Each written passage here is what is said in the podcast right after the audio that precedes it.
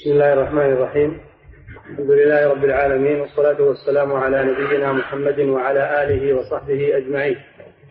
ما بعد قال المؤلف رحمه الله تعالى باب ما جاء في الاستسقاء بالأنواع. بسم الله الرحمن الرحيم. الحمد لله والصلاة والسلام على رسول الله على آله وصحبه. هذا الباب تابع للباب الذي قبله. لأن الباب الذي قبله باب ما جاء في التنجيم وهذا الاستسقاء بالأنواع أو الاستسقاء بالنجوم. تنجيم عام في كل ما يعتقد النجوم من العقائد الباطلة وهذا خاص بنوع من أنواع هذه الاعتقادات وهو الاستسقاء بالنجوم أي طلب السقيا منها أو نسبة المطر إليها. هذا شرك بالله عز وجل لأن إنزال المطر من الله جل وعلا. الذي ينزل الغيث وهو الذي يخلق المطر وينزله. ليس للنجوم أي علاقة بنزول المطر. لا علاقة إحداث وخلق ولا علاقة تسبب وإنما النجوم كما سبق خلقها الله زينة للسماء ورجوما للشياطين وعلامات يهتدى بها وهي مخلوقة من مخلوقات الله عز وجل مسخرة.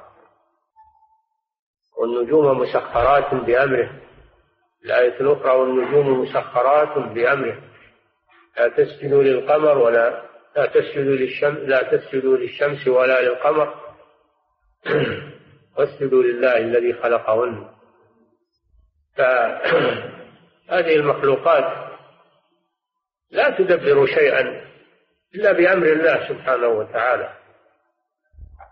الله لا لم يخلق النجوم لإنزال المطر وإنما خلقها لحكم سبق بيانها من القرآن استسقى بالنجوم على قسمين منه ما يكون مخرجا من الملة وشركا أكبر وهو إذا اعتقد أن أن النجوم هي التي تخلق المطر وهي التي تنزل المطر هذا شرك أكبر يخرج من الملة.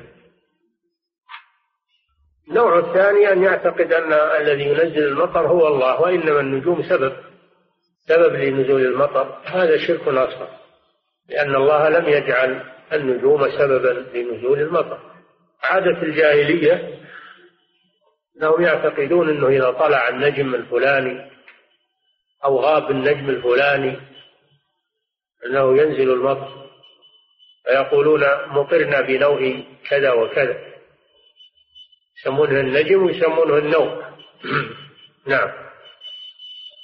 باب ما جاء في الاستسقاء بالانواع وقول الله تعالى وتجعلون والأنواع جمع نوء الأنواع جمع نوء وهو النجم. يقال ناء ينوء إذا إذا طلع من المشرق. لأن الله سبحانه وتعالى جعل القمر منازل قدره منازل 28 منزلة ويستسر في ليلة أو ليلتين من آخر الشهر كل منزلة لها نجم يعرف به مثل الثريا والدبران والهقعة والهنعة وإلى آخره. 28 منزلة وعشرة يمانية وأربع عشرة شامية. وينزل القمر في كل يعني يسير القمر في كل ليلة مع مسار. مع مسار يسمى منزلة من منازل القمر. حتى يكمل 28 منزلة من الشمال إلى الجنوب. ثم يختفي في ليلة بقربه من الشمس يسمى الاستسراف أو ليلتين ليلة إن كان تسع الشهر تسعة وعشرين أو ليلتين إن كان الشهر ثلاثين. ثم يظهر الهلال بعد ذلك يبدأ الشهر الجديد. هذه منازل القمر. كل منزلة أو كل مسار من مسارات القمر في ليالي الشهر علامته نجم من هذه النجوم. هذه منازل القمر. كانوا في الجاهلية يعتقدون أن نزول المطر بسبب هذه النجوم. ويقولون النوء الفلاني صادق والنوء الفلاني غير صادق وما أشبه ذلك. هذا من عقائد الجاهلية. فأبطله الله جل وعلا في القرآن وأبطله النبي صلى الله عليه وسلم في السنة.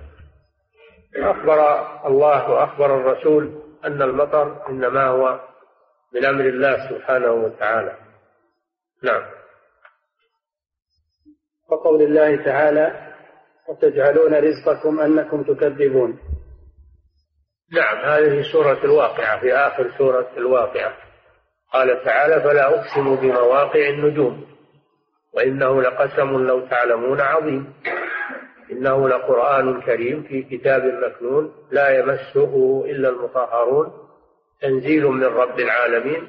أفبهذا الحديث أنتم مدهنون وتجعلون رزقكم أنكم تكذبون. الشيخ رحمه الله أخذ هذه الآية لأنها محل الشاهد وتجعلون رزقكم أنكم تكذبون أي تنسبون المطر إلى النجم وهذا كذب على الله سبحانه وتعالى. هذا إذا أريد بالنجوم النجوم المعروف مخلوقة. وهذا هو القول المشهور والمختار. القول الثاني أن المراد بالنجوم نجوم القرآن لأن القرآن نزل منجما حسب الوقائع والحوادث. كان ينزل على النبي صلى الله عليه وسلم منجما على في مدة رسالته عليه الصلاة والسلام هي ثلاث وعشرون سنة. والنجوم جمع نجم وهو القرآن نجوم القرآن التي نزل بها مجزأ على الرسول صلى الله عليه وسلم. ولكن القول الأول هو المشهور المراد بالنجوم النجوم المخلوق لا نجوم القرآن. الله أقسم بها والله يقسم بما شاء من خلقه. نجوم مخلوقة والقسم بالمخلوق لا يجوز بالنسبة للناس. أما بالنسبة لله عز وجل فهو يقسم بما شاء من خلقه. ولا يقسم بالله بشيء له أهمية. النجوم لها أهمية وهي أن الله خلقها زينة للسماء ورجوما للشياطين وعلامات يهتدى بها. هي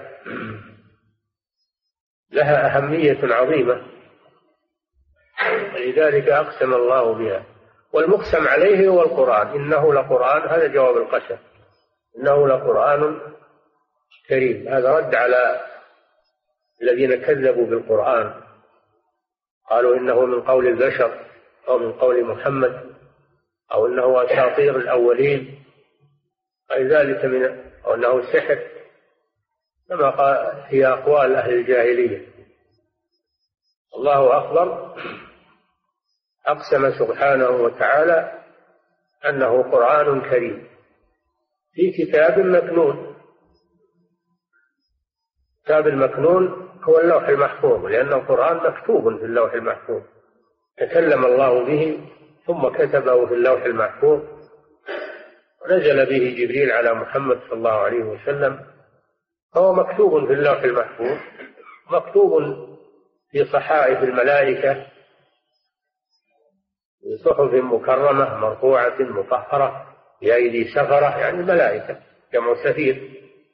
السفير معناه الرسول.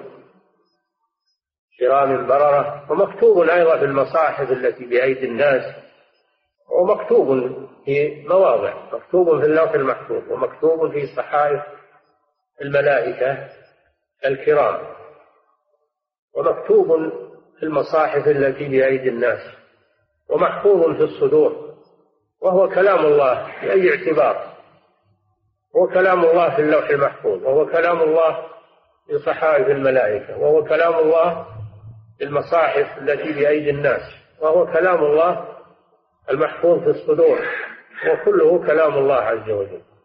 إنه لقرآن كريم في كتاب مكنون يعني مصون. لا يمسه إلا المطهرون هذا رد على المشركين الذين يقولون إن القرآن إنه من من من عمل الشياطين. وأن أن الشياطين هي التي تلقيه إلى الرسول صلى الله عليه وسلم. فجعلوا الرسول مثل الكهان.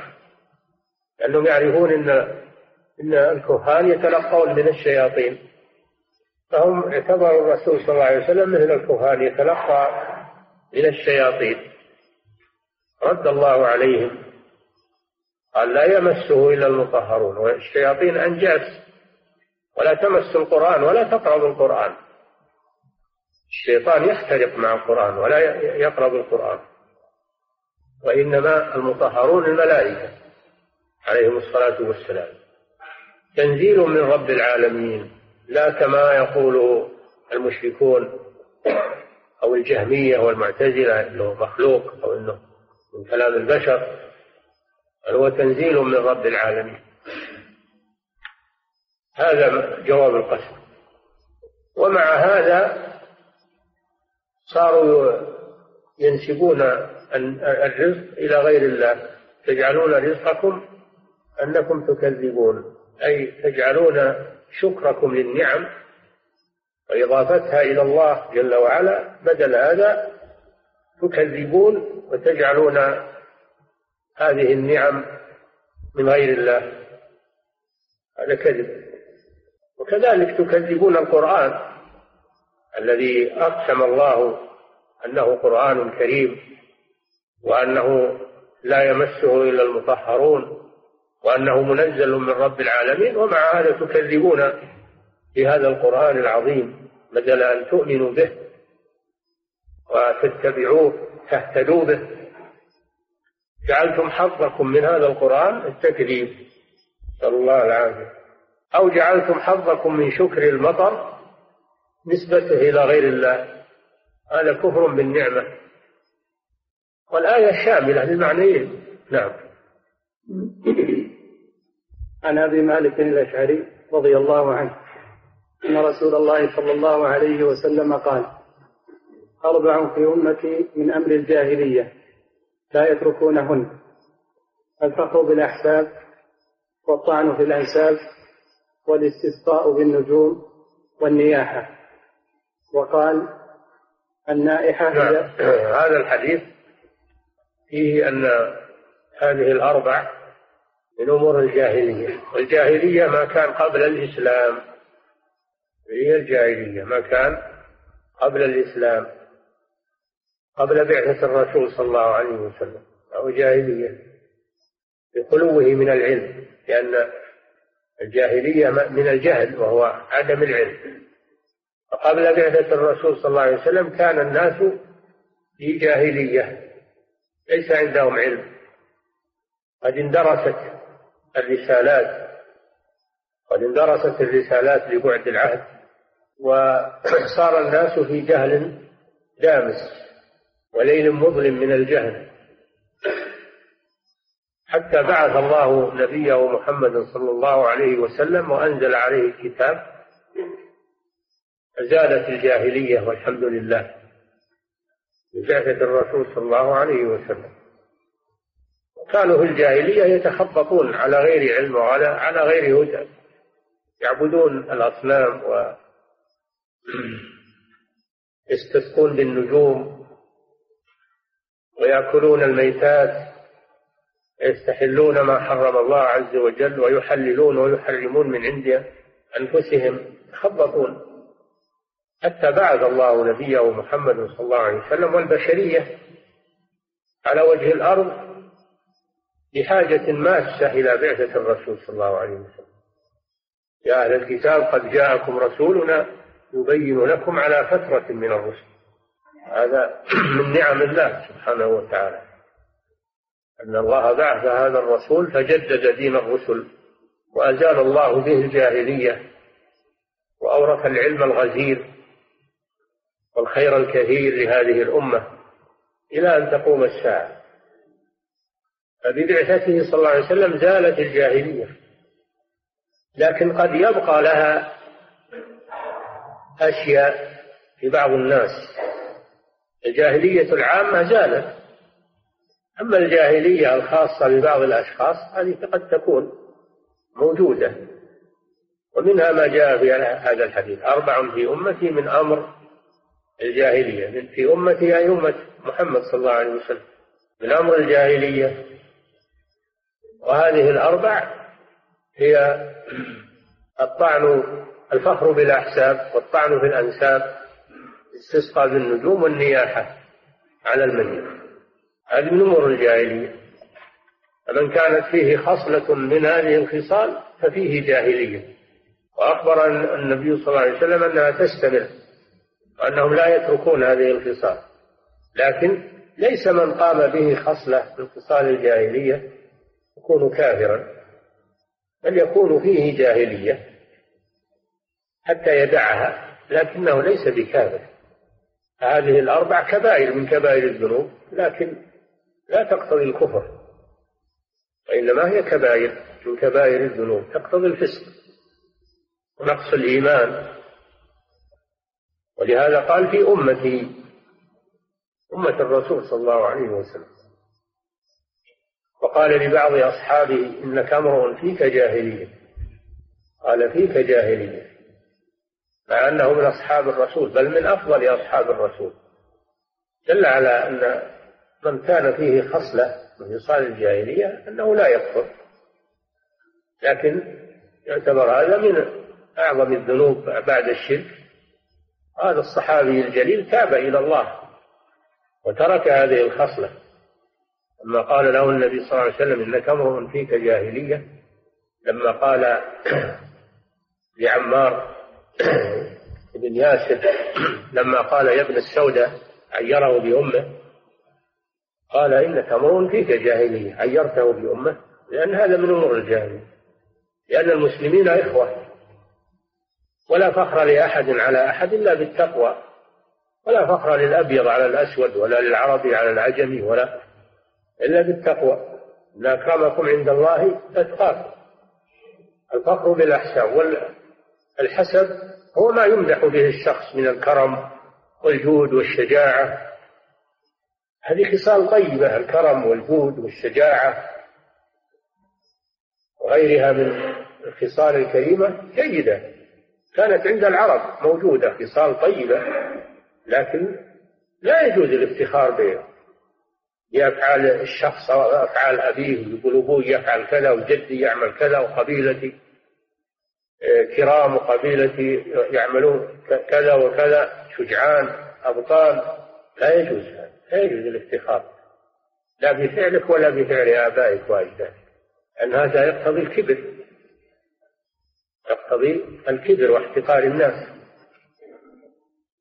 لا يفخر أحد على أحد. هذا الفخر بالأحساب.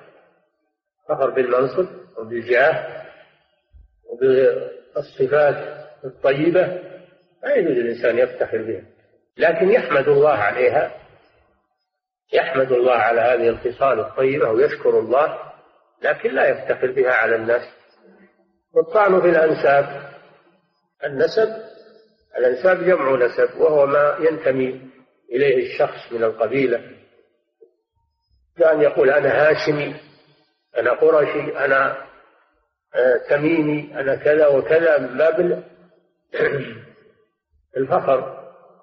ويتنقص أنساب الناس يقول أنت عبد أنت مالك مالك نسب معروف أنت أنت هذا لا يجوز. المسلم لا يجوز أن يتنقص لا بنسبه ولا ولا بحسبه.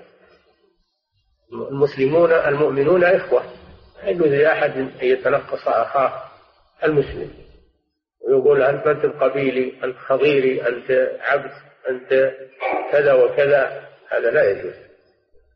هذا هو الطعن في الأنساب.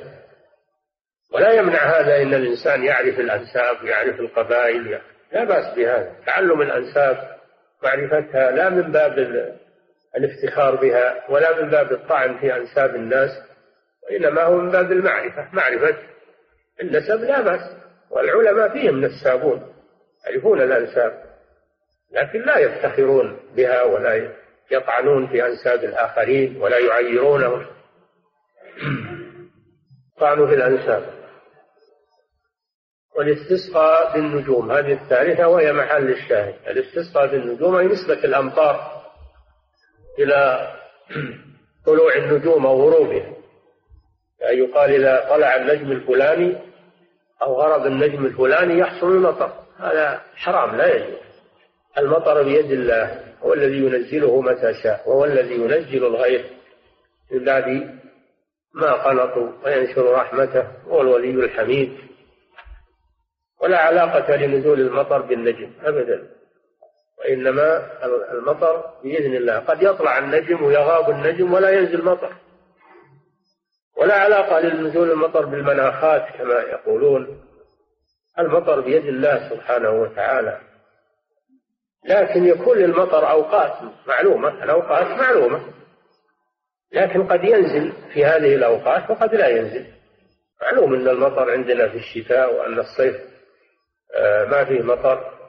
هذا توقيت ما هو ما هو نسبة إلى النجوم. لكن قد يخلف الله هذه العادة. قد ينزل المطر في الصيف ولا ينزل في الشتاء. قد ينزل في مكان يقل نزوله فيه وقد لا ينزل في مكان يكثر نزوله فيه. وأنتم تسمعون الآن اللي يسمونه الجفاف. في بلاد كانت تنزل عليها الأمطار باستمرار. الآن حصل فيها جفاف. صاروا يشكون. والجفاف نحن نسميها القحط. نسميها القحط. الدهر. هم يسمونه الجفاف. مع أنهم كانوا في الأول كانت بلادهم محل أمطار فمن الذي حبسه؟ دل على أن المطر ما هو باتباع العادات ولا باتباع المناطق ولا باتباع الأوقات. إنما هو بيد الله سبحانه وتعالى هو الذي يصرفه. ولقد صرفناه بينهم ليذكروا فأبى أكثر الناس إلا كفورا. يحرم هؤلاء وينزله على هؤلاء ويمنعه إذا شاء وينزله إذا شاء. هو الذي سبحانه وما ننزله إلا بقدر معلوم أو بيد الله سبحانه وتعالى. فلا يجوز نسبة المطر إلى غير الله. لا إلى النجم ولا إلى المناخ ولا إلى أي شيء ولا إلى الرياح ولا ما إلا أن يقال المطر بإذن الله وبأمر الله وهو نعمة من الله هو الذي ينزله هو الذي يحبسه هو الذي يصرفه سبحانه وتعالى. ولكن من نسبه إلى النجوم طلوع النجوم أو غروبها فهذا من أمر الجاهلية.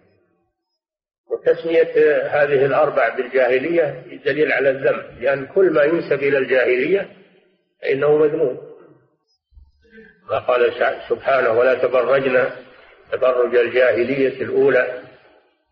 جعل الذين كفروا في قلوبهم الحمية حمية الجاهلية حمية الجاهلية تبرج الجاهلية هذا كله مذموم.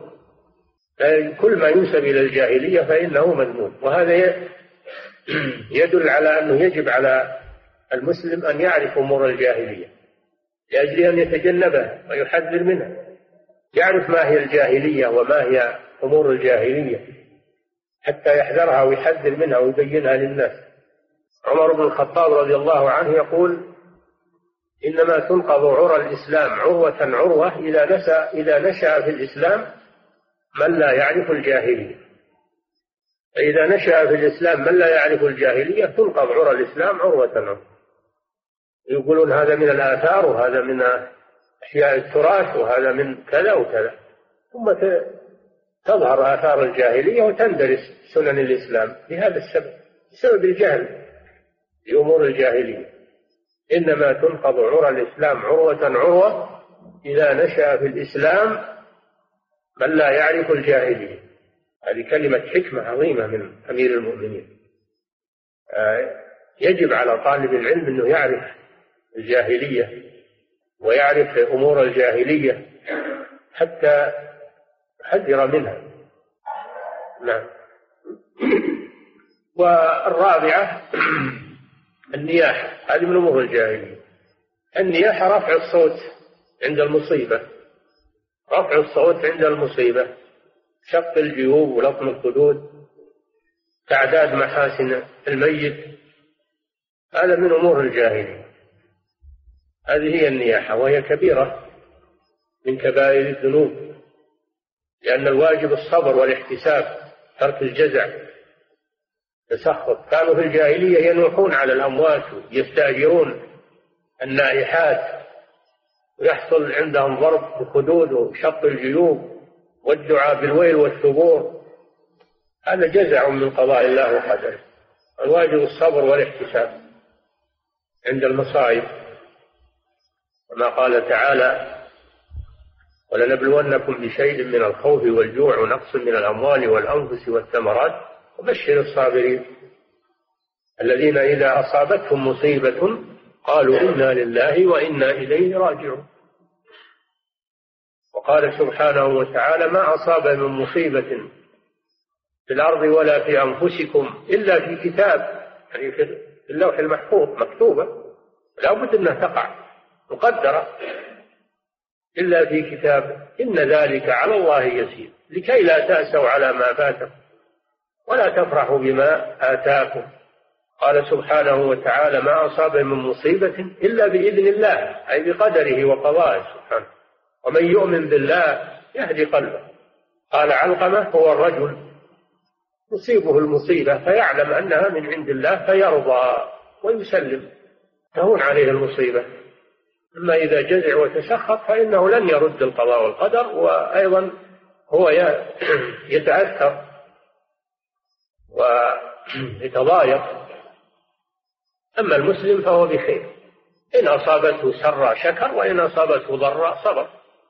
ليس ذلك إلا للمؤمن كما قال النبي صلى الله عليه وسلم. أما البكاء عند المصيبة عند الموت فلا بأس به لأنه شيء ما يملكه الإنسان. البكاء من غير رفع صوت من غير جزع من غير كلام سيء كون الإنسان يبكي وتدمع عينه لا بأس به. وقد بكى النبي صلى الله عليه وسلم. بكى عند موت آه، عند موت الميت. بكى عليه الصلاة والسلام رحمة وحزنا على الميت. هذا لا بأس به. ما لم يصحبه نياحة ورفع صوت أو فعل قبيح كشق الثياب أو لطم الخدود أو غير ذلك كما تفعله الجاهل البكاء جائز ولكن النياحة محرمة. نعم. وقال النائحة إذا لم تتب قبل موتها تقام يوم القيامة وعليها سربال من قطران ودرع من جرب. رواه مسلم. النائحة هي التي تفعل النياحة بأن تصوت عند وفاة الميت أو تلطم الخد أو تشق.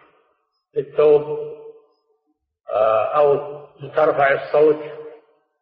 هذه هي النياحة. النائحة إذا لم تتب قبل موتها.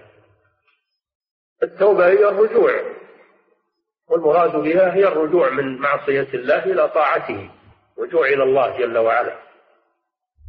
والله يقبل التوبة ممن تاب. أيا كان ذنبه كفرا أو شركا أو معصية أو كبيرة أو صغيرة من تاب تاب الله عليه. وهذا من فضل الله ونعمته على عباده بل إنه يفرح سبحانه وتعالى بتوبة عبده مع أنه ما ينتفع هو من من أعمال عباده ولا من طاعاتهم وإنما يريد لعباده الخير. هم اللي ينتفعون. فهو سبحانه يريد لهم الخير ولا يريد لهم آه، الشر ولا يريد لهم العقوبة. فإذا تابوا فرح الله بذلك فرحا شديدا. الله أفرح بتوبة عبده من أحدكم براحلته عليها طعامه وشرابه ضيعها في أرض مهلكة ثم ردها الله عليه. ما ترون أن إنسان استسلم للموت والعطش وال... وفي أرض ما عنده أحد أرض مهلكة. بينما هو كذلك إذا هو براحلته عنده عليها طعامه وشرابه. ماذا يكون فرحه؟ الله أشد فرح من, من هذا. وليس الإنسان بحاجة إلى راحلته. لكن الله ليس بحاجة إلى توبة هذا العبد. لكن العبد هو اللي محتاج إليها. والله يحب ما ينفع هذا العبد. هذا من لطفه ورحمته سبحانه وتعالى. إذا لم تتب قبل موتها. ودل على أن النائحة لو تابت تاب الله عليها مع قبح فعلها. وقوله قبل موتها هذا دليل على أن التوبة مقيدة بما قبل الموت. أما إذا حضرت الغرغرة وبلغت الروح في الحلقوم فلا تقبل التوبة حينئذ. إن الله يقبل توبة العبد ما لم ما لم يغرغر. ولذلك قال قبل موتها. أما لو تابت وقد نزل بها الموت حينئذ لا تقبل. لأن كل واحد يتوب عند الموت حتى الكافر والمشرك يتوب عند الموت لكن لا تقبل توبة. إذا لم تتب قبل موتها تقام يوم القيامة يعني من قبرها تبعث. تبعث من قبرها. تقام يوم القيامة أي من قبرها وعليها سربال أي ثوب. السربال هو الثوب. من قطران. قيل القطران هو النفط. معروف المادة المشتعلة. يكون ذلك أشد في اشتعالها والعياذ بالله وأنتن لريحها. وقيل القطران النحاس المذاب. يكون ذلك أشد في تعذيبه. نحاس ومذاب مذاب بالنار يكون أشد حرا. عليها سربال من قطران ودرع درع معروف هو الجلال الذي يكون على المرأة أو الثوب القميص. قميص يسمى درع والثوب يسمى درع للمرأة. درع من جرب الجرب هو المرض المعروف مرض جلدي معروف يصيب الإبل. ويصيب الآدميين تقطع منه الجلد وقد وقد يسبب الموت. وذلك زيادة في تعذيبها والعياذ بالله. هذا فيه وعيد شديد على النائحة وأنه يجب عليها أن تتوب إلى الله قبل الموت. نعم. فيه فيه آه الشاهد من الحديث الوعيد الشديد على النائحة والنياحة كما سبق من أمور الجاهلية لأن الواجب آه، الصبر والاحتساب لقضاء الله وقدره وعدم الجزع والتسخط. نعم. ولهما عن زيد بن خالد رضي الله عنه قال صلى لنا رسول الله صلى الله عليه وسلم. صلى لنا يعني صلى بنا اللام بمعنى الباء. نعم. صلى لنا رسول الله صلى الله عليه وسلم صلاة الصبح بالحديبية صلاة الصبح هي الفجر هي الفجر. لأنها إنما تجب عند طلوع الفجر عند طلوع الفجر. فسبب وجوب صلاة الفجر هو طلوع الفجر. لذلك سميت صلاة الصبح صلاة الفجر. بالحديبية اسم موضع قريب من مكة على حدود الحرم على حدود الحرم من الجهة الغربية. قريبا من من التنعيم. وهي الآن على طريق جدة. على طريق جدة يسمى الآن الشميس هذا محل الحديبية. نعم. على إثر سماء كانت من الليل. إثر سماء المطر يعني. المطر يسمى سماء لأنه نزل من السماء. نعم. كانت من الليل. يعني أن, أن هذا المطر نزل عليهم وهم بالليل في هذا المكان. نعم. فلما انصرف أقبل على الناس. انصرف يعني من صلاة الفجر. يعني لما سلم من صلاة الفجر أقبل على الناس. وهذا هو المشروع للإمام أنه إذا سلم ينصرف يستقبل الناس ولا يبقى مستقبلا للقبلة هذا فعل الرسول صلى الله عليه وسلم. نعم. فلما انصرف أقبل على الناس فقال هل تدرون ماذا قال ربكم؟ نعم أراد أن يعظ الناس. هذا فيه مشروعية الموعظة بعد الصلاة. فيه مشروعية الموعظة بعد الصلاة. لا سيما إذا صار لها سبب ومناسبة. فإن الإمام ينصح ويعظ الناس يذكرهم. كان النبي صلى الله عليه وسلم يعظ الناس بعد الصلاة لكنه لا يداوم على هذا بل يتخولهم بالنصيحة بعد فترة خشية أن يملوا. نعم. فقال هل تدرون ماذا قال ربكم؟ هذا من باب إلقاء العلم على طريق السؤال لأن هذا أنبه للإنسان أنك تسأل أولا ثم تلقي عليه الجواب. لذلك أوقع في نفسه مما لو ابتدأته بإلقاء العلم بدون سؤال. نعم. فقال هل تدرون ماذا قال ربكم؟ ماذا قال ربكم؟ هذا فيه إثبات الكلام لله عز وجل إثبات القول لله عز وجل وأنه يتكلم متى شاء إذا شاء سبحانه وتعالى. نعم. قالوا الله ورسوله أعلم. هذا فيه رد العلم إلى عالمه أن الإنسان ما يتخرص شيء لا يعرفه. لا يجوز له يتكلم بل يقول الله أعلم. لا يتكلم في مسائل العلم إلا إذا كان يعرفها. أما إذا كان ما يعرفها إنه يردها إلى أهل العلم. نعم. قال قال قال قال أصبح من عبادي مؤمن بي وكافر. لما تطلعوا إلى الجواب ألقى عليهم الجواب عليه الصلاة والسلام لأجل أن يثبت هذا في أذهانهم. نعم. قال قال أصبح من عبادي مؤمن بي وكافر. نعم. فأما من قال مطرنا بفضل الله ورحمته فذلك أصبح من عبادي مؤمن بي وكافر. يقول الله جل وعلا هذا حديث قدسي. الحديث القدسي هو ما يرويه الرسول صلى الله عليه وسلم عن ربه. والحديث غير القدسي هو ما كان من كلام الرسول صلى الله عليه وسلم. الحديث القدسي لفظه ومعناه من الله. والحديث غير القدسي لفظه من الرسول صلى الله عليه وسلم ومعناه من الله. نعم. قال أصبح من عبادي مؤمن بي وكافر. بسبب نزول المطر. لأن المطر نعمة وابتلاء من الله سبحانه وتعالى. لأن الناس عند النعم ينقسمون إلى قسمين شاكر لها وكافر بها. هذا في كل النعم في المطر وغيره. الناس ينقسمون إلى قسمين مع النعم إما شاكر لها وإما كافر بها الذي ينسبها إلى الله ويحمد الله عليها هذا شاكر له والذي ينسبها إلى غير الله هذا كافر بها. نعم. قال أصبح من عبادي مؤمن بي وكافر فأما من قال مطرنا بفضل الله ورحمته فذلك مؤمن بي كافر بالكوكب. من نسب المطر إلى الله وفضل الله وقال مطرنا بفضل الله ورحمته. فهذا مؤمن بالله وأن المطر من الله. كافر بالكوكب. الذي يقولون إنه هو اللي ينزل المطر عند الجاهلية. خالف للجاهلية. مؤمن به فأما من ولذلك يستحب للمسلم عند نزول المطر أن يقول مطرنا بفضل الله ورحمته كما كان النبي صلى الله عليه وسلم يقول ذلك. نعم. وأما من قال مطرنا بنوء كذا وكذا فذلك كافر بي مؤمن بالكوكب. وأما من قال مطرنا بنوء كذا وكذا أي سبب المطر هو طلوع النجم أو غروبه فهذا كافر بالله لأنه نسب النعمة إلى غير الله عز وجل. وهذا شرك في الربوبية. هذا شرك في الربوبية.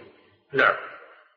وقد يكون شركا أكبر إذا اعتقد أن النجم هو الذي أحدث المطر وقد يكون شركا أصغر إذا اعتبر أن النجم إنما هو سبب وأن المطر من الله. هذا شرك أصغر. نعم. ولهما من حديث ابن عباس معناه لهما أي البخاري ومسلم. من حديث ابن عباس معنى حديث زيد بن خالد. نعم. يوافقه في المعنى وإن اختلف معه في اللفظ. نعم. وفيه قال بعضهم لقد صدق نوء كذا وكذا فأنزل الله هذه الآية فلا أقسم بمواقع النجوم إلى قوله تكذبون نعم. قال بعضهم جهلا منه وعلى ما كان في الجاهلية لما نزل المطر قال لقد صدق نوء كذا وكذا. فنسب المطر إلى النوء وهو النجم. فأنزل الله هذه الآيات فلا أقسم بمواقع النجوم ردا على هذه المقالة. وبيان أن المطر من الله كما أن القرآن من الله جل وعلا. كذلك المطر كله من الله عز وجل. نعم. قوله باب ما جاء في الاستسقاء بالانواع أي من الوعيد ما جاء من الوعيد. الكتاب والسنة. نعم. والمراد نسبة السقيا ومجيء المطر إلى الأنواع جمع نوع وهي منازل القمر. نعم. قال أبو السعادات. أبو السعادات هو ابن الأثير في غريب الحديث. نعم. وهي ثمان وعشرون منزلة. منازل القمر ثمان وعشرين. والقمر قدرناه منازل. وقدره منازل ثمان وعشرين منزلة. يعني مسارات للقمر من المشرق إلى المغرب. كل ليلة يأتي مع مسار حتى يكمل 28 منزلة من الشمال للجنوب هذه منازل القمر. وهذه المنازل علامتها نجوم ثريا دبران الأقعى الهنعان الذراع إلى آخره. نعم. وهي ثمان وعشرون منزلة ينزل القمر كل ليلة منزلة منها. نعم. كما قال تعالى والقمر قدرناه منازل نعم. يسقط في المغرب كل ثلاث عشرة ليلة منزلة له مع طلوع الفجر. نعم. وتطلع أخرى مقابلتها ذلك الوقت من المشرق. نعم النجوم الثمانية والعشرين هذه كما سبق أربعة عشر يمانية وأربعة عشر شامية. كل ثلاثة عشر يوم يطلع نجم. من المشرق ويغيب نجم من المغرب يسمونه الرقيب. اللي يطلع من المشرق يسمونه الرقيب. إذا غاب رقيبه من المغرب طلع هذا من المشرق. هذه سنة الله سبحانه وتعالى. مثل القلب والثريا الآن حط ذلك إذا طلعت الثريا غاب القلب. إذا بالعكس أيضا. إذا غاب القلب الفجر طلعت الثريا الفجر. وهكذا. كل النجوم هكذا. ثمانية والعشرين نعم. يسقط في المغرب كل ثلاث عشرة ليلة منزلة له مع طلوع الفجر وتطلع أخرى مقابلتها ذلك الوقت من المشرق. وهو الرقيب اللي يسمونه الرقيب. نعم. وكانت العرب تزعم أن مع سقوط المنزلة وطلوع رقيبها يكون مطر. إيه، هذا اعتقاد الجاهلية أنه إذا إذا غاب غاب النجم من جهة الشرق وطلع رقيبه من الغرب ينزل المطر. لأنهم لا يعرفون الله عز وجل. ينسبون الأمطار إلى النجوم وطلوعها وغروبها. نعم. وينسبونه إلى النجم الساقط ويقولون مطرنا بنوع كذا وكذا. نعم. وإنما سمي نوعا لأنه إذا سقط منها الساقط ناء الطالع بالمشرق أي نهض وطلع. نعم. قوله تعالى يقول الآية. روى الإمام أحمد والترمذي وحسنه وابن جرير وابن أبي حاتم والضياء في المختارة عن علي رضي الله عنه قال قال رسول الله صلى الله عليه وسلم وتجعلون رزقكم يقول شكركم. أنكم تكذبون. يعني بدل الشكر تنسبون النعم إلى غير الله. نعم. أنكم تكذبون تقولون مطرنا بنوع كذا وكذا وبنجم كذا وكذا. ولا ينسبون هذا إلى الله ولا يقولون مطرنا بفضل الله ورحمته. إنما يقولون مطرنا بالنجم الفلاني صدق النجم الفلاني وهكذا. نعم. روي ذلك عن علي وابن عباس وقتادة والضحاك وعطاء الخرساني وغيرهم. لأن المراد بالنجوم نجوم السماء وليس نجوم القرآن. هذا هو القول المختار. اختاره ابن جرير وغيره. نعم. وهو قول جمهور المفسرين. نعم. وبه يظهر وجه استدلال المصنف رحمة الله تعالى عليه بالآية. أما إذا فسرت النجوم بنجوم القرآن فلا يكون في الآية شاهد للباب. لا يكون في الآية شاهد للباب. أما إذا فسرت بالنجوم ظهر الشاهد. نعم. وهذا هو الصحيح. نعم. وبه يظهر وجه استدلال المصنف رحمة الله تعالى عليه بالآية وقال ابن القيم أي تجعلون حظكم من هذا الرزق الذي به حياتكم؟ ابن القيم له كتاب اسمه أقسام القرآن كتاب جيد. يجيب كل قسم في القرآن ويتكلم عليه بكلام ما تجده في غيره من الكتب. ومن ذلك هذا القسم. أنا أقسم بمواقع النجوم. تكلم عليه بكلام طويل وجيد. هذا الكتاب نفيس جدا. أقسام القرآن جمع قسم. نعم. وقال ابن القيم أي تجعلون حظكم من هذا الرزق الذي به حياتكم التكذيب به يعني القرآن. قال الحسن تجعلون حظكم ونصيبكم من القرآن أنكم تكذبون. نعم. قال وخسر عبد لا يكون حظه من القرآن إلا التكذيب. نعم. قوله عن أبي مالك الأشعري رضي الله عنه أن رسول الله صلى الله عليه وسلم قال أربع في أمتي من أمر الجاهلية لا يتركونهن. الفخر بالأحساب نسبتها إلى الجاهلية يدل على تحريمها لأن كل ما كان من أمور الجاهلية إنه محرم ولهذا نهينا عن التشبه بالجاهلية بكل أفعالها. يجدون هذا مبسوطا في كتاب شيخ الإسلام ابن تيمية اقتضاء الصراط المستقيم مخالفة أصحاب الجحيم. ومن أصحاب الجحيم أهل الجاهلية. تكلم على الجاهلية واتصال الجاهلية كلام طويل. نعم. أربع في أمتي من أمر الجاهلية لا يتركونهن. الفقر بالأحساب والطعن في الأنساب والاستسقاء بالنجوم والنياحة.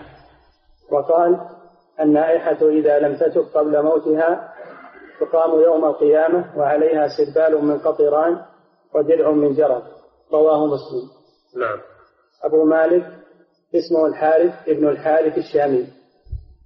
صحابي تفرد عنه بالرواية أبو سلام أبو سلام. سلام.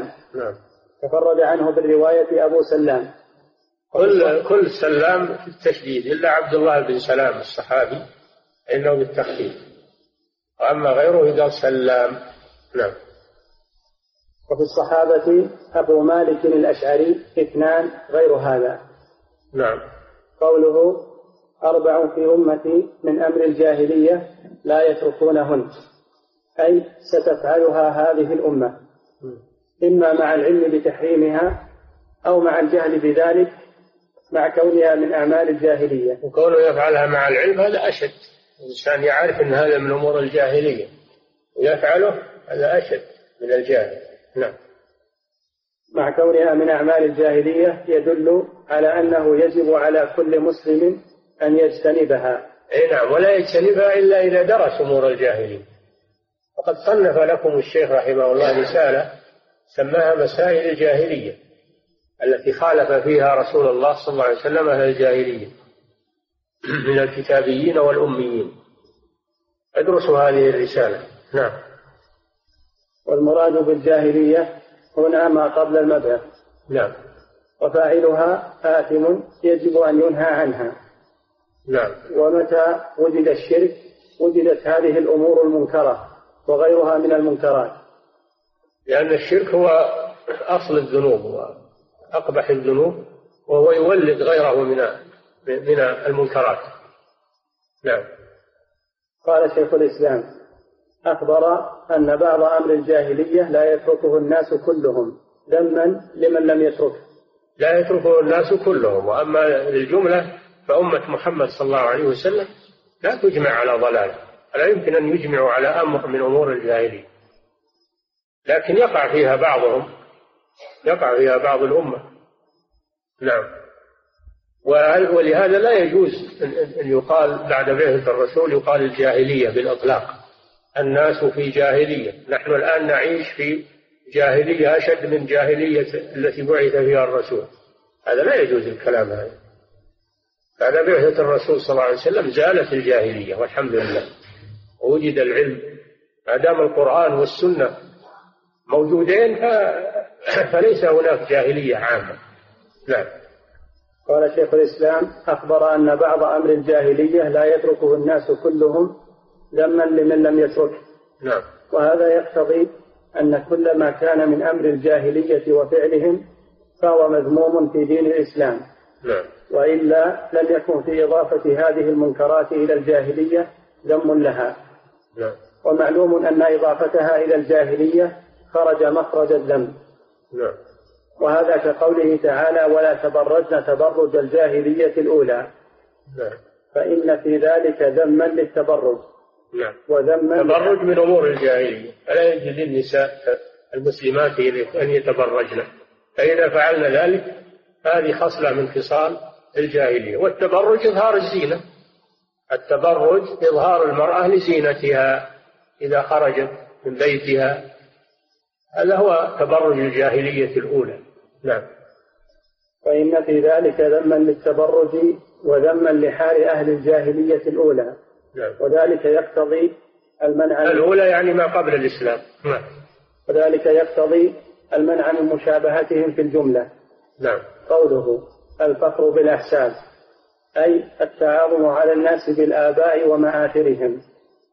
وذلك جهل عظيم. جاء في القرآن ثلاثة أشياء مضافة إلى الجاهلية تبرجن تبرج الجاهلية يظنون بالله غير الحق ظن الجاهلية جعل الذين كفروا في قلوبهم الحمية حمية الجاهلية. كلها مضافة إلى الجاهلية. فهي مذمومة. نعم. الفخر بالأحساب أي التعاظم على الناس بالآباء ومآثرهم. المآثر يعني. يقول أنا أبوي يعمل كذا وكذا وأبوي الشجاع وأبوي العالم أو أنا أعمل كذا. يجوز الإنسان يفتخر بأعماله أو أعمال آبائه وأجداده. نعم. وذلك جهل عظيم. نعم. إذ لا كرم إلا بالتقوى. نعم. كما قال تعالى إن أكرمكم عند الله أتقاكم. نعم. ولأبي داود عن أبي هريرة مرفوعا إن الله قد أذهب عنكم عبية الجاهلية. عبية. عبية. الجاهلية. نعم. وفخرها بالآباء. نعم. إنما هو مؤمن تقي أو فاجر شقي. الناس بنو آدم وآدم خلق من تراب. ليدعن رجال فخرهم بأقوام إنما هم فحم من فحم جهنم أو ليكونن أهون على الله من الجعلان. نعم. فالذي يفتخر بآبائه وأجداده قد يكونون من الكفار. هذا إنما يعامله الله بنقيض قصده فيجعله أذل من الجعل وهو الحشرة المعروفة المكروهة عند الناس. نعم. وهذا معروف عند الناس إن اللي يمدح نفسه أو يمدح أباه الناس يكرهونه لو تحملوه بالظاهر لكنهم يكرهونه في نفوسهم ولا يتحملونه أبدا نعم. قوله والطعن في الأنساب أي الوقوع فيها بالعيب والنقص. ولما عير أبو ذر رجلا بأمه قال النبي صلى الله عليه وسلم أعيرته بأمه؟ إنك امرؤ فيك جاهلية. متفق عليه. دل على أنه أنه من افتخر أو أو طعن في نسب أحد. من طعن في نسب أحد هذا من أمور الجاهلية. ولو كان من أفضل الناس. أبو ذر من, من أفضل الناس رضي الله عنه. وتاب إلى الله. لما قال له الرسول هذه المقالة تاب إلى الله. وتركها نعم. ودل على أن الطعن في الأنساب من عمل أهل الجاهلية وأن المسلم قد يكون فيه شيء من هذه الخصال المسمات بجاهلية ويهودية ونصرانية. ولا يوجب ذلك كفره ولا فسقه. قد يفعل الإنسان شيء من أمور اليهود أو أمور النصارى يتشبه بهم في بعض الأمور ولا يقتضي هذا كفره لكن يقتضي فسقه ومعصيته. نعم. وأن المسلم قد يكون فيه شيء من هذه الخصال المسمات بجاهلية ويهودية ونصرانية ولا يوجب ذلك كفره ولا فسقه. قاله شيخ الإسلام رحمة الله تعالى عليه. نعم. قوله والاستسقاء بالنجوم تقدم معناه. فإذا قال قائلهم معناه الاستسقاء بالنجوم نسبة المطر إلى النجوم. هذا الاستسقاء بالنجوم. نعم. فإذا قال قائلهم مطرنا بنجم كذا وبنوء كذا فلا يخلو إما أن يعتقد أن له تأثيرا في نزول المطر فهذا شرك وكفر بنسبة المطر لغير من أنزله. يعني أكبر شرك أكبر وشرك وكفر أكبر لأنه نسب المطر إلى المخلوق. نعم. بنسبة المطر لغير من أنزله وهو الله وحده. نعم. وإما مع إطلاق هذا اللفظ فقد صرح ابن مفلح في الفروع بتحريمه. إذا إذا أطلقه ولا ولم يعتقد معناه. إنما يعتقد أن المطر من الله لكن نسبه من باب التساهل أو من باب المجاز بزعمه هذا شرك أصغر وهو عظيم وخطير قد يجر إلى الشرك الأكبر. نعم. وكذلك صاحب الإنصاف ولم يذكر خلافا اللي هو المرداوي في الإنصاف شرح المقنع. نعم. قوله والنياحة أي رفع الصوت بالندب على الميت. وضرب الخدود وشق الجيوب ونحو ذلك. وهي من الكبائر. النياحة قد تكون بالقول مثل رفع الصوت المصيبة وهي الصالقة تسمى الصالقة أو بالفعل وهي حلق الشعر تسمى الحالقة. الحالقة. أو بالفعل بحلق الرأس أو بشق الثوب. أو بضرب الخد هذا هذه نياحة بالفعل.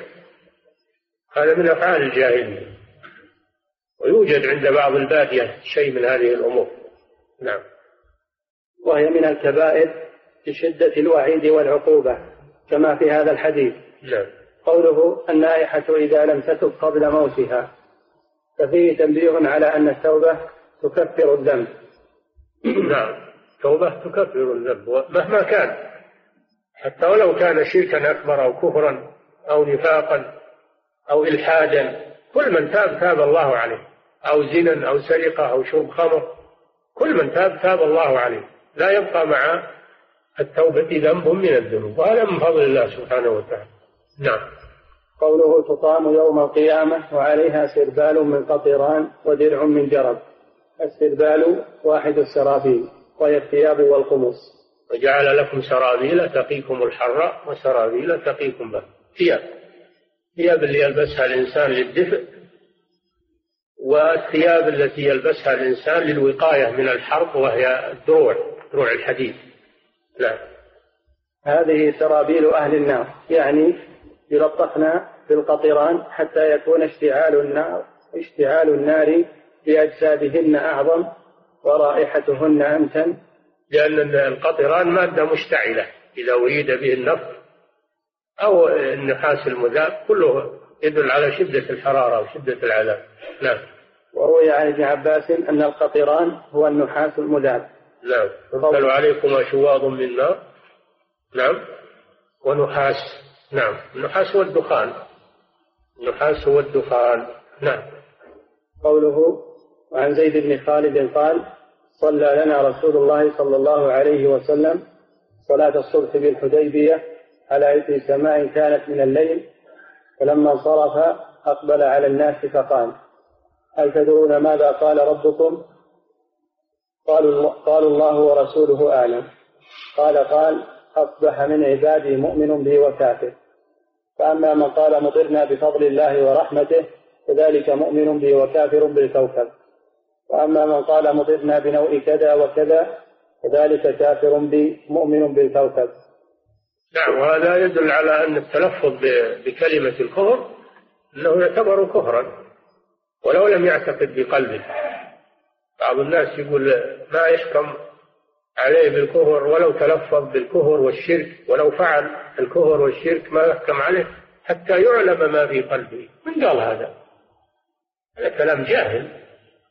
لا نحكم على الظاهر. وأما القلوب فالله هو الذي يحكم عليها. أن نحكم بالظاهر. نعم. زيد بن خالد الجهني صحابي مشهور. مات سنة ثمان وستين وقيل غير ذلك وله خمس وثمانون سنة. نعم. قوله صلى لنا أي بنا. قال الحافظ وفيه إطلاق ذلك مجازا. يعني صلى لنا مجاز. والحقيقة صلى بنا اللام بمعنى الباء. نعم. قوله بالحديبية بتخفيف يائها وقد تثقل يقال الحديبية التشديد أو الحديبية وهذا أشهر بالتخفيف وهو اسم موضع. نعم. قوله على إثر بكسر الهمزة وسكون التاء المثلثة على المشهور. أي عقب على إثر يعني عقب مطر. نعم. أو ما يعقب الشيء. نعم. قوله سماء أي مطر. سمى المطر سماء. لأنه نازل من السماء. نعم. قوله فلما انصرف أي من صلاته إلى المأمومين. قوله هل تدرون؟ لفظ استفهام ومعناه التنبيه. تنبيههم يعلم أنهم ما يدرون. ومع هذا سألهم لأجل أن يتنبهوا. ففيه إلقاء العلم على الجاهل بطريقة السؤال والجواب. نعم. وفي النساء ألم تسمعوا ما قال ربكم الليلة؟ نعم الليلة يعني الماضية. إذا ما قبل الظهر يقال الليلة وإذا ما بعد الظهر يقال البارحة. يقال البارحة. نعم. وفيه إلقاء العالم المسألة على أصحابه ليختبرهم. نعم. قوله قالوا الله ورسوله أعلم. فيه حسن الأدب للمسؤول إذا سئل عما لا يعلم أن يكل العلم إلى عالمه. نعم. وذلك يجب. لا يجوز يتكلم بغير علم. نعم. وما أكثر ما يقول الصحابة الله ورسوله أعلم. نعم. قوله أصبح من عبادي مؤمن بي. لأنه نسب الفعل إلى فاعله الذي لا يقدر عليه غيره. نعم. قوله وكافر إذا اعتقد أن للنوء تأثيرا في إنزال المطر فهذا كفر. نعم. لأنه شرك في الربوبية. والمشرك كافر. قوله من من أشرك بالله في أفعاله هذا شرك في الربوبية. ومن أشرك بالله في عبادته فهذا شرك في الألوهية. نعم. قوله وكافر إذا اعتقد أن للنوء تأثيرا في إنزال المطر فهذا كفر لأنه شرك في الربوبية والمشرك كافر. نعم. قوله فأما كل مشرك كافر. وليس كل كافر مشركا. لأن الكفر أعم من الشرك. لأن الكفر قد يكون بالجحود والتعطيل والإلحاد وإنكار وجود الله سبحانه وتعالى. أما الشرك فإنه مع الإقرار بالله عز وجل يشرك به.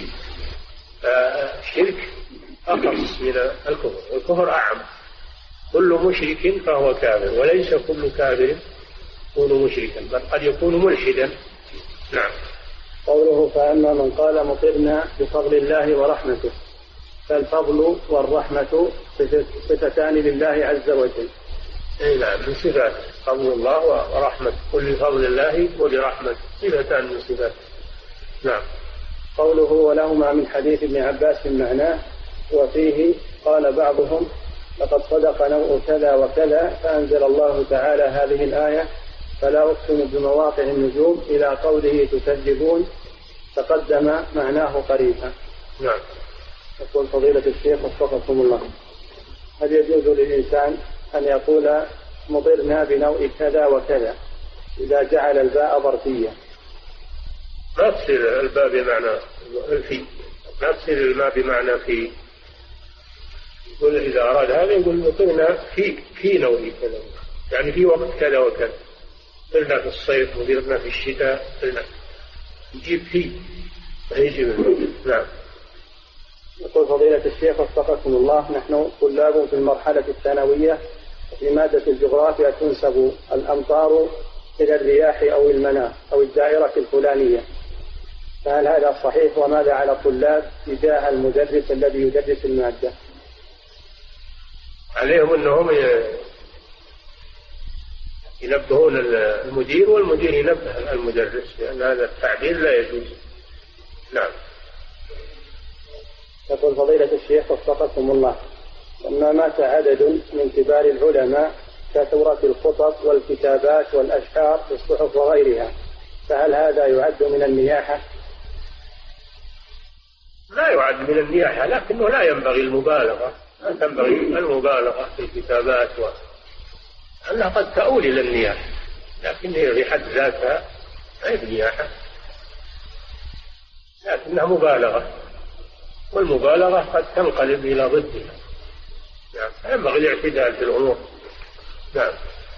يقول فضيلة الشيخ وفقكم الله ما يفعله الناس من الاجتماع للعزاء؟ هل يعد من النياحة؟ والله كلام جرير بن عبد الله رضي الله عنه يدل على أنه من النياحة يقول كنا نعد الاجتماع إلى أهل الميت وصنعة الطعام من النياحة هذا كلام صحابي. وإذا قال الصحابي كنا نفعل كذا أو نترك كذا عهد النبي صلى الله عليه وسلم فهذا له حكم المرفوع كما هو معلوم. ينبغي ترك التجمع هذا وترتيب العزاء وأيام ومكان معين. يجب يجب ترك هذا الشيء. نعم. لأنه هو أصله ما هو ما هو مشروع وثانيا قد يتطور إلى ما هو أشد. نعم. يقول فضيلة الشيخ وفقكم الله من المعروف عند أصحاب الإبل أنهم يداوون الجرب الذي يصيب الإبل بالقطران. فهل يصح أن يقال إن المراد في الحديث أن النائحة تصاب بالجرب يوم القيامة فتداوى بالقطران ثم تصاب مرة أخرى بالجرب وهكذا زيادة في العذاب لها؟ هذا من باب التداوي هو من باب الدواء هذا من باب التعذيب. يجمع عليها بين الأمرين. استقبال من قطران ودرع من جرب جميع. زيادة في تعذيب ما هو من باب العلاج أو من باب الدواء. نعم. فضيلة الشيخ وفقكم الله. القول بأن كثرة الربيع هذه السنة إنما هي بسبب كثرة الأمطار. هل هذا من الشرك الأصغر؟ أم يقال إن كثرته بفضل الله ورحمته؟ نعم والأمطار سبب. لو ما جاء أمطار ما حصل ربيع. كله من الله جل وعلا. الأمطار سبب سبب للربيع وهو من الله عز وجل. هو الذي جعل الأمطار سببا للنبات. نعم. يقول فضيلة الشيخ وفقكم الله قول النبي صلى الله عليه وسلم أربع في أمتي. هل المراد بذلك أمة الدعوة أم أمة الإجابة؟ المراد أمة الإجابة. أمة الدعوة عندها أكبر من هذا عندها الشرك الأكبر عندها. مع أن الإمام أحمد رحمه الله كما في مسائل خلال ما يوافق على قول أمة الدعوة وما فيه إلا أمة الإجابة فقط. ولا ننسب الكفار إلى أنهم أمة محمد لأن هذا تشريف لهم. تشريف لهم. ما يكونون من أمة محمد إلا إذا دخلوا في دينه واستجابوا له. هذا كلام صحيح إذا تأملت نعم. يقول فضيلة الشيخ وفقكم الله. هناك بعض طلبة العلم ينكرون القراءة من رياض الصالحين بعد صلاة العصر كل يوم ويقولون أن الاستمرار على ذلك بدعة فهل هذا القول صحيح؟ لا ما هو صحيح. تذكير وقراءة الأحاديث على المصلين هذا طيب. رياض الصالحين كتاب طيب ومهذب ومبوب على الأبواب وفيه فوائد للناس. يعني هذا يريد الناس ما يسمعون شيء أبد ما ما هو كلام صحيح. نعم. يقول فضيلة الشيخ وفقكم الله. هناك من يقول إن تسمية العصر الذي قبل البعثة المحمدية بالجاهلية إنما هو نسبة إلى الجهل الذي هو ضد الحلم وليس ضد العلم لأن العرب كانت لديهم علوم مختلفة. فما صحة هذا القول؟ وفقكم الله. كلام باطل. بالعكس العرب عندهم حلم كثير عندهم حلم يمدحون بالحلم. شعراءهم يمدحون بالحلم. مراد وهذا المراد بالجهل الذي هو ضد العلم. ضد العلم. هذا هو المراد بالجاهل أما قوله أن المراد بالجهل ضد الحلم هذا تأويل باطل. والعرب بالعكس عندهم حلوم وعندهم عقول وعندهم لكن ما نفعتهم مع الكفر. يقول فضيلة الشيخ وفقكم الله ما حكم التهنئة بالعام الجديد؟ وما حكم تخصيص خطب خطب في أول العام عن الهجرة النبوية في الجوامع والإذاعات وغيرها؟ تهنئة ما لها أصل. تهنئة العام الجديد ما لها أصل. وأما العام الهجري تذكير الناس بالهجرة هذا ما ينبغي تخصيصه بهالوقت هذا. يتكلم عن الهجرة في أي وقت. تذكير الناس بالهجرة وأنها واجبة وأنها مطلوبة وأنها قرينة الجهاد في كتاب الله عز وجل. لأجل أن لا يقيموا بين أظهر المشركين وأن لا يتساهلوا في السفر إلى بلاد المشركين. هذا شيء طيب لكن ما هو بيخصص بهالوقت فقط. نعم. يقول فضيلة الشيخ وفقكم الله. هل المشركون الجاهليون ينحصر شركهم في الألوهية فقط أنه في الألوهية والربوبية ومن شرك الربوبية نسبة المطر إلى الأنواع وبناء على ذلك ما صحة هذه المقولة إن خلاف النبي صلى الله عليه وسلم مع أهل الجاهلية إنما هو في توحيد الألوهية فقط. نعم. مع الرسل كلهم الرسل كلهم جاءوا يدعون إلى توحيد الألوهية. أما توحيد الربوبية هو متوفر عند الأمم. وإن كان يحصل شرك فيه فهو نادر وقليل فيهم الشرك في الربوبية قليل في الأمم وإنما الكثير هو الشرك في الألوهية. ولذلك بعث الله الرسل الدعوة إلى توحيد الألوهية. لأن توحيد الألوهية هو المقصود وهو الذي ينجي من النار. أما توحيد الربوبية هذا أول شيء أنه موجود وثاني شيء أنه ما ما ينجي من النار. نعم. يقول فضيلة الشيخ وفقكم الله. يقول ابن القيم رحمه الله في زاد المعاد وندب صلى الله عليه وسلم جماعة إلى حلب شاة فقام رجل يحلبها فقال ما اسمك؟ قال مرة. قال اجلس. فقام آخر فقال ما اسمك؟ قال أظنه حرب. فقال اجلس. فقام رجل فقال ما اسمك؟ قال يعيش. قال احلبها. وكان عليه الصلاة والسلام يكره الأمكنة المنكرة. والأسماء ويكره ويكره العبور منها فالسؤال حفظكم الله لماذا توجهون فعل النبي صلى الله عليه وسلم هذا مع نهيه عن التطير والتشاؤم. هذا سبق لنا أن الرسول يعجبه الفعل، هذا فعل. تفاؤل بالأسماء الطيبة هذا طيب لأنه حسن ظن بالله عز وجل.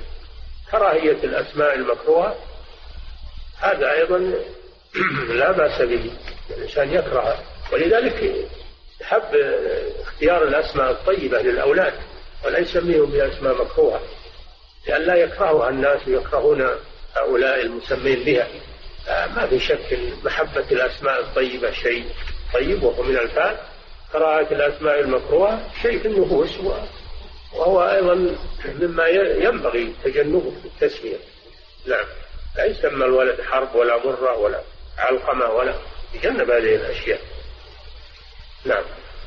يقول فضيلة الشيخ وفقكم الله هل يجوز يقول إنهم لما سئلوا العرب قيل لهم لماذا تسمون عبيدكم بفلاح وسالم وأسماء طيبة يسمون أولادكم بعلقمة ومرة وكعب و... قالوا أولادنا لأعدائنا نسميهم بالنسبة لأعدائنا إنهم علقم في حلوق أعدائنا وحرب على أعدائنا وأما آه، خدمنا فهم لنا. ولذلك نسميهم بأسماء طيبة. ولكن على كل حال الإسلام جاء باختيار الأسماء الحسنة وترك الأسماء السيئة. نعم. وفضيلة الشيخ وفقكم الله هل يجوز للمرأة الحامل أن تسقط جنينها إذا كان دون الشهرين بدون سبب؟ لا يجوز إسقاط الجنين. لا يجوز بحال من الأحوال إلا إذا خشي على أمه إذا قرر الأطباء أنه لو بقي تموت أمه هذا يجوز. ما لم تنفخ فيه الروح. أما إذا نفخت فيه الروح فلا يجوز قتل النفس. لا يجوز قتل النفس. لكن إذا كان قبل نفخ الروح فيه وكان بقاؤه خطرا على حياة أمه بتقرير الأطباء فهنا يجوز إجهاضه. نعم. يقول فضيلة الشيخ وفقكم الله. من زار المدينة المنورة وما هي الأماكن التي يجب عليه زيارتها؟ وهل خصصت الصلاة في الروضة وفي مسجد قباء بأجر معين؟ آه الوجوب لا يجب زيارة شيء لكن يستحب زيارة المسجد النبوي والصلاة فيه. الصلاة فيه مئة ألف صلاة. والصلاة في الروضة فيها فضل قوله صلى الله عليه وسلم ما بين بيتي ومنبري روضة من رياض الجنة. تستحب الصلاة في الروضة إذا أمكن. ومسجد قباء تستحب زيارته والصلاة فيه لأن النبي صلى الله عليه وسلم كان يزوره ويصلي فيه كل سبت ماشيا عليه الصلاة والسلام. وأما ما عدا مسجد الرسول ومسجد قباء في المدينة فلا تشرع زيارة أي مسجد من المساجد. لا دليل على ذلك فهو بدعة. مساجد السبعة ومسجد القبلتين ومسجد الإجابة. مساجد طلعوا لها اسماء الآن وروجوا على الناس إنها تزار. وهذا بدعة ولا يجوز. ما في المدينة مسجد يزار إلا المسجد النبوي ومسجد قباء فقط. للصلاة فيها وما عداها فهو كسائر المساجد. لا يخص بزيارة ولا يخص بصلاة لكن إذا وافقت الصلاة وأنت حوله صل فيه وأما أنك تقصد وتذهب إليه من أجل الصلاة فيه هذا بدعة. بدعة منكرة. نعم.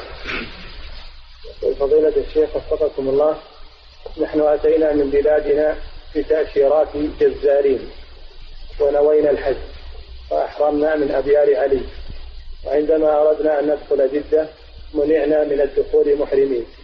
فأحلينا الإحرام وعندما دخلنا مكة أحرمنا مرة ثانية. فما حكم عملنا هذا؟